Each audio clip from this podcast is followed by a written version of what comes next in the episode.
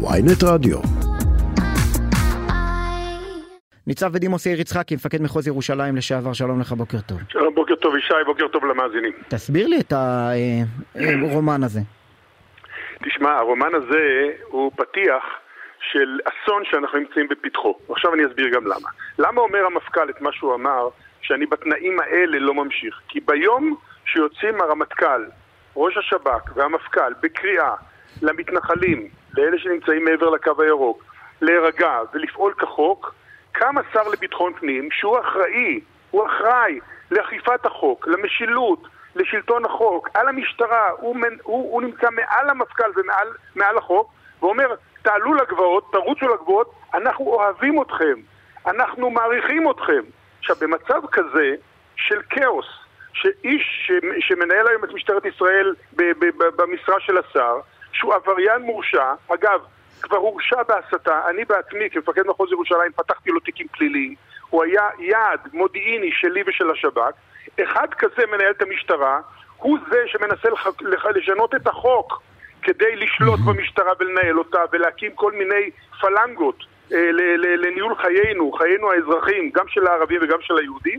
האיש הזה אמור למנות את המפכ"ל הבא. עכשיו, לא, מה הוא אתה, יעשה? אתה, אתה לא צריך לשכנע אותי אה, שבן גביר הוא שר בעייתי או לא, כדי לדבר על הסיפור של הארכת כהונה למפכ"ל. הרי אנחנו יודעים שמפכ"לים ושרים לביטחון פנים, שנים ארוכות, בדרך כלל עם המינוי של השר הקודם, מגיעים להתגוששות, והרבה מאוד פעמים לא מעריך, השר לא מעריך למפכ"ל את הכהונה בשנה נוספת. זה לא חדש בעולמנו. זה נכון, אבל תראה, אני אה, את כל חיי הבוגרים ביליתי בחצרות האלה, בתפקידים האלה, ואני מלווה מפכ"לים מ-84 כשהייתי קצין צעיר כעוזר של המפכ"ל. מכיר את היחסים האלה. היחסים בין השר לבין המפכ"ל, או בין המפכ"ל לבין השרים, תמיד היו על בסיס של שמירת חוק, עם, עם ניואנסים של כאלה, של מדיניות כזאת או מדיניות כזאת. כאן יש לך מפכ"ל שאחראי על החוק, שאמור לשמור על חיי האזרחים, למנוע פשיעה, למנוע רציחות, ובא שר מעליו וקורא לאנשים לעבור על החוק. הרי זה מה שקרה פה. במצב רגיל כזה, שאיש כזה כמו בן גביר אומר דבר כזה, עוצרים אותו, פותחים לו תיק. עכשיו, מה, איפה אנחנו נמצאים? אנחנו נמצאים במצב, לדעתי, ואני מפה רוצה לפנות לראש הממשלה, שהוא המבוגר האחראי בסיפור הזה. אה, יש לו אה, רימון בלי נצרה ביד. ואם הוא לא יחזיר את הנצרה חזרה למקום, הרימון הזה יתפוצץ לנו ביד. הוא, אה, הפשיעה תלך ותתפתח, גם אצל הערבים, כמו שאנחנו רואים, וגם אצל היהודים, גם במגזר היהודי, הרי שם הפשיעה הולכת ועולה. עכשיו, אם לא ייתנו למשטרה את, ה, את המיצוב שלה, שתמיד היה לאורך כל שנות שירותם של מפכ"לים בעבר, שהם אחראים על החוק וכפופים לחוק, אם ייקחו את זה מהם, אם ימנו חלילה, חלילה, חלילה, בובה שתהיה כפופה לשר לביטחון פנים, הרי זה מה שהוא רוצה. הוא מנסה לשנות את החוק, כן, את פקודת המשטרה, כדי לשלוט במשטרה. אחר כך הוא רוצה להקים פלנגות, כל העניין הזה של משמר לאומי זה פלנגות שהוא רוצה לנהל אותם, והאפשרות השלישית שלו, אם אני הולך לפי הראש שלו, זה למנות מפכ"ל בובה, או מישהו בדמותו או בצלמו, זה מישהו, זה, זה צריך להיות למעשה עבריין, ש, שזה, עם זה יש קושי כמובן למנות, ואם יהיו אחד מהדברים האלה, אנחנו הולכים לתוך מדרון חלקלק, שכל אחד מהאזרחים, גם אני וגם אתה וכל אחד מהמאזינים, ירגיש את זה בשנים הבאות. הרי בעולם יש מדינות כאלה, בדרום אמריקה, שהפשיעה מגיעה כבר לסף של, של, של כל דלת, של כל בית, של כל אזרח. לכן ראש הממשלה כמבוגר אחראי צריך לקחת את החוק, את העניין הזה לידיים. הוא צריך להעביר את בן גביר מתפקידו. לא מינוי מפכ"ל, ולא הוראות, ולא דרוזים, ושלא יקרא לאף אחד לעלות על הגבעות ולהפר את החוק. להעביר אותו, לשמור על הקואליציה, כי ברור לי לגמרי שזה אינטרס אה, אולי, אה, אולי מרכזי, או הכי מרכזי בתוך העניין הזה.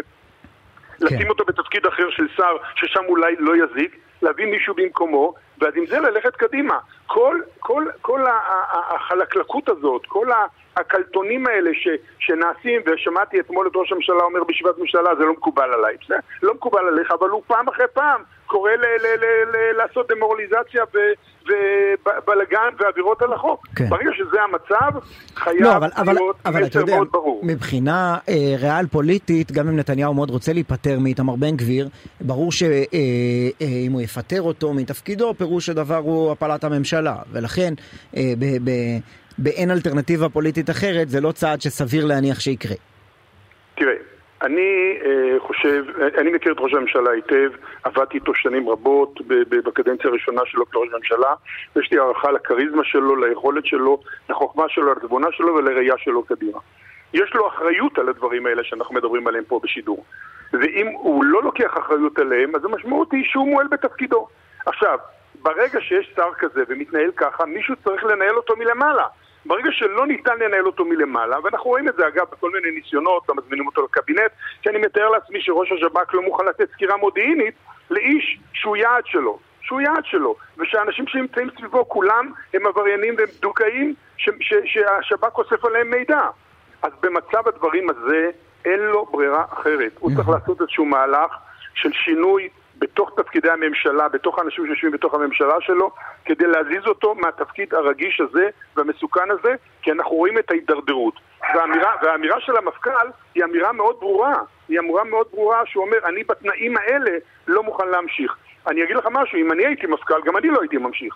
ואני אומר לך שגם חבריי, הניצבים והמפכ"לים, לא היו ממשיכים בתנאים האלה, כי זה בלתי אפשרי שאתה אומר דבר אחד, השר מעליך אומר דבר הפוך, שהוא בניגוד לחוק, ובמצב הדברים האלה זה כן. כאוס. אני, זה אני, מניח, אני מניח שצפית כמו כולנו בריאיון שנתן אה, ניצב אה, יורם סופר, מפקד מחוז חוף אה, בערוץ 12, ראיון שהוא דיבר בו עניינים עקרוניים, אמר שלמשל לגבי חסימות כבישים הוא חושב שצריך לפנות את החוסמים ביד קשה ולא משנה מאיזה כיוון אידיאולוגי הם באים, אבל באקלים הזה, בעיתוי הזה, הרעיון הוא...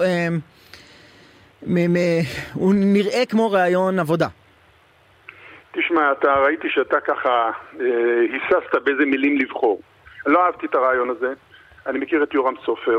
מדיניות המשטרה בנושא של חסימות כבישים צריכה להיות מדיניות ארצית שקובע אותה ספק משטרת ישראל ומפכ"ל משטרת ישראל. אין כאן מצב שתהיה מדיניות לדרום ומדיניות לצפון ולמחוז חוף, זה דבר אחד.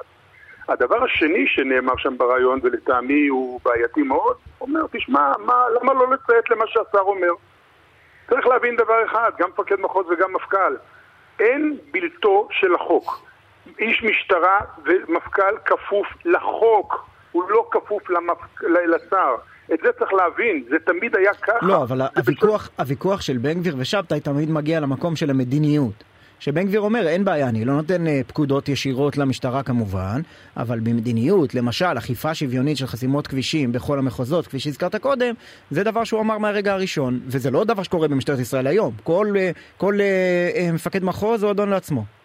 אז תראה, זה חלק מההתפרקות, אני נוקט במשפט הזה, או במילה הזאת, שהיא מילה חמורה מאוד, חלק מההתפרקות של משטרת ישראל בשרשרת הפיקוד, באווירה בספק, ובכל מה שקורה למטה אחר כך, צא ולמד מה קורה שהשוטר רגע, הבודד... רגע, ספק, סגל הפיקוד הכללי, בעצם פורום מטכ"ל של המשטרה. נכון מאוד. עכשיו, ברגע שזה המצב, אנחנו רואים אותו היום, אה, שזה מצב שבו המפכ"ל מאבד שליטה על הניצבים שלו.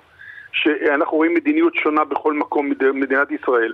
שאנחנו רואים, לזה מצטרפים עוד הרבה מאוד דברים שאפשר לתת עליהם הרצאה ארוכה, מה קורה במשטרת ישראל בכלל, בן גביר מדבר על מיליארדים ומיליונים, חסרים למעלה מאלפיים שוטרים היום ברחוב, לשרת אותנו ברחוב. שכדי לגייס אותם צריך להעלות את השכר, צריך לשנות את התנאים, להעלות את כל האווירה שיש סביב שוטרי משטרת ישראל. כל זה היום במצב גרוע מאוד. את כל זה אם לא ישנו, המצב ילך ויתדרדר. יכולים להביא עוד 20 מיליארדים, זה לא יעזור. צריך למלא את השורות, ו mind you, משטרת ישראל כוח האדם של משטרת ישראל הוא בערך רבע ממה שיש במשטרה דומה מערבית במערב אירופה או בארצות הברית. אז, ולמשטרת ישראל יש הרבה מאוד משימות שאין למשטרות בעולם. אין לה את השטחים, אין לה את פלוגות מג"ב בשטחים, כל הדברים האלה. לכן המצב הוא רע, הוא רע מאוד. אני לא, אני לא איש לא דרמטי. אני ממש לא אופטימי, ואם מישהו לא ייקח את, ה, את המושכות לידיים ויתחיל לשנות את זה, והעיסוק בעניין של המפכ"ל והקשר הרביעית הוא, הוא, הוא רק אנקדוטה, הוא משהו מאוד מצומצם וקטן בתוך התמונה הכוללת כן. שאנחנו נמצאים בה. ניצב ודימוס יאיר יצחקי. בעניין, המצב ילך ויתדרדר. מפקד מחוז...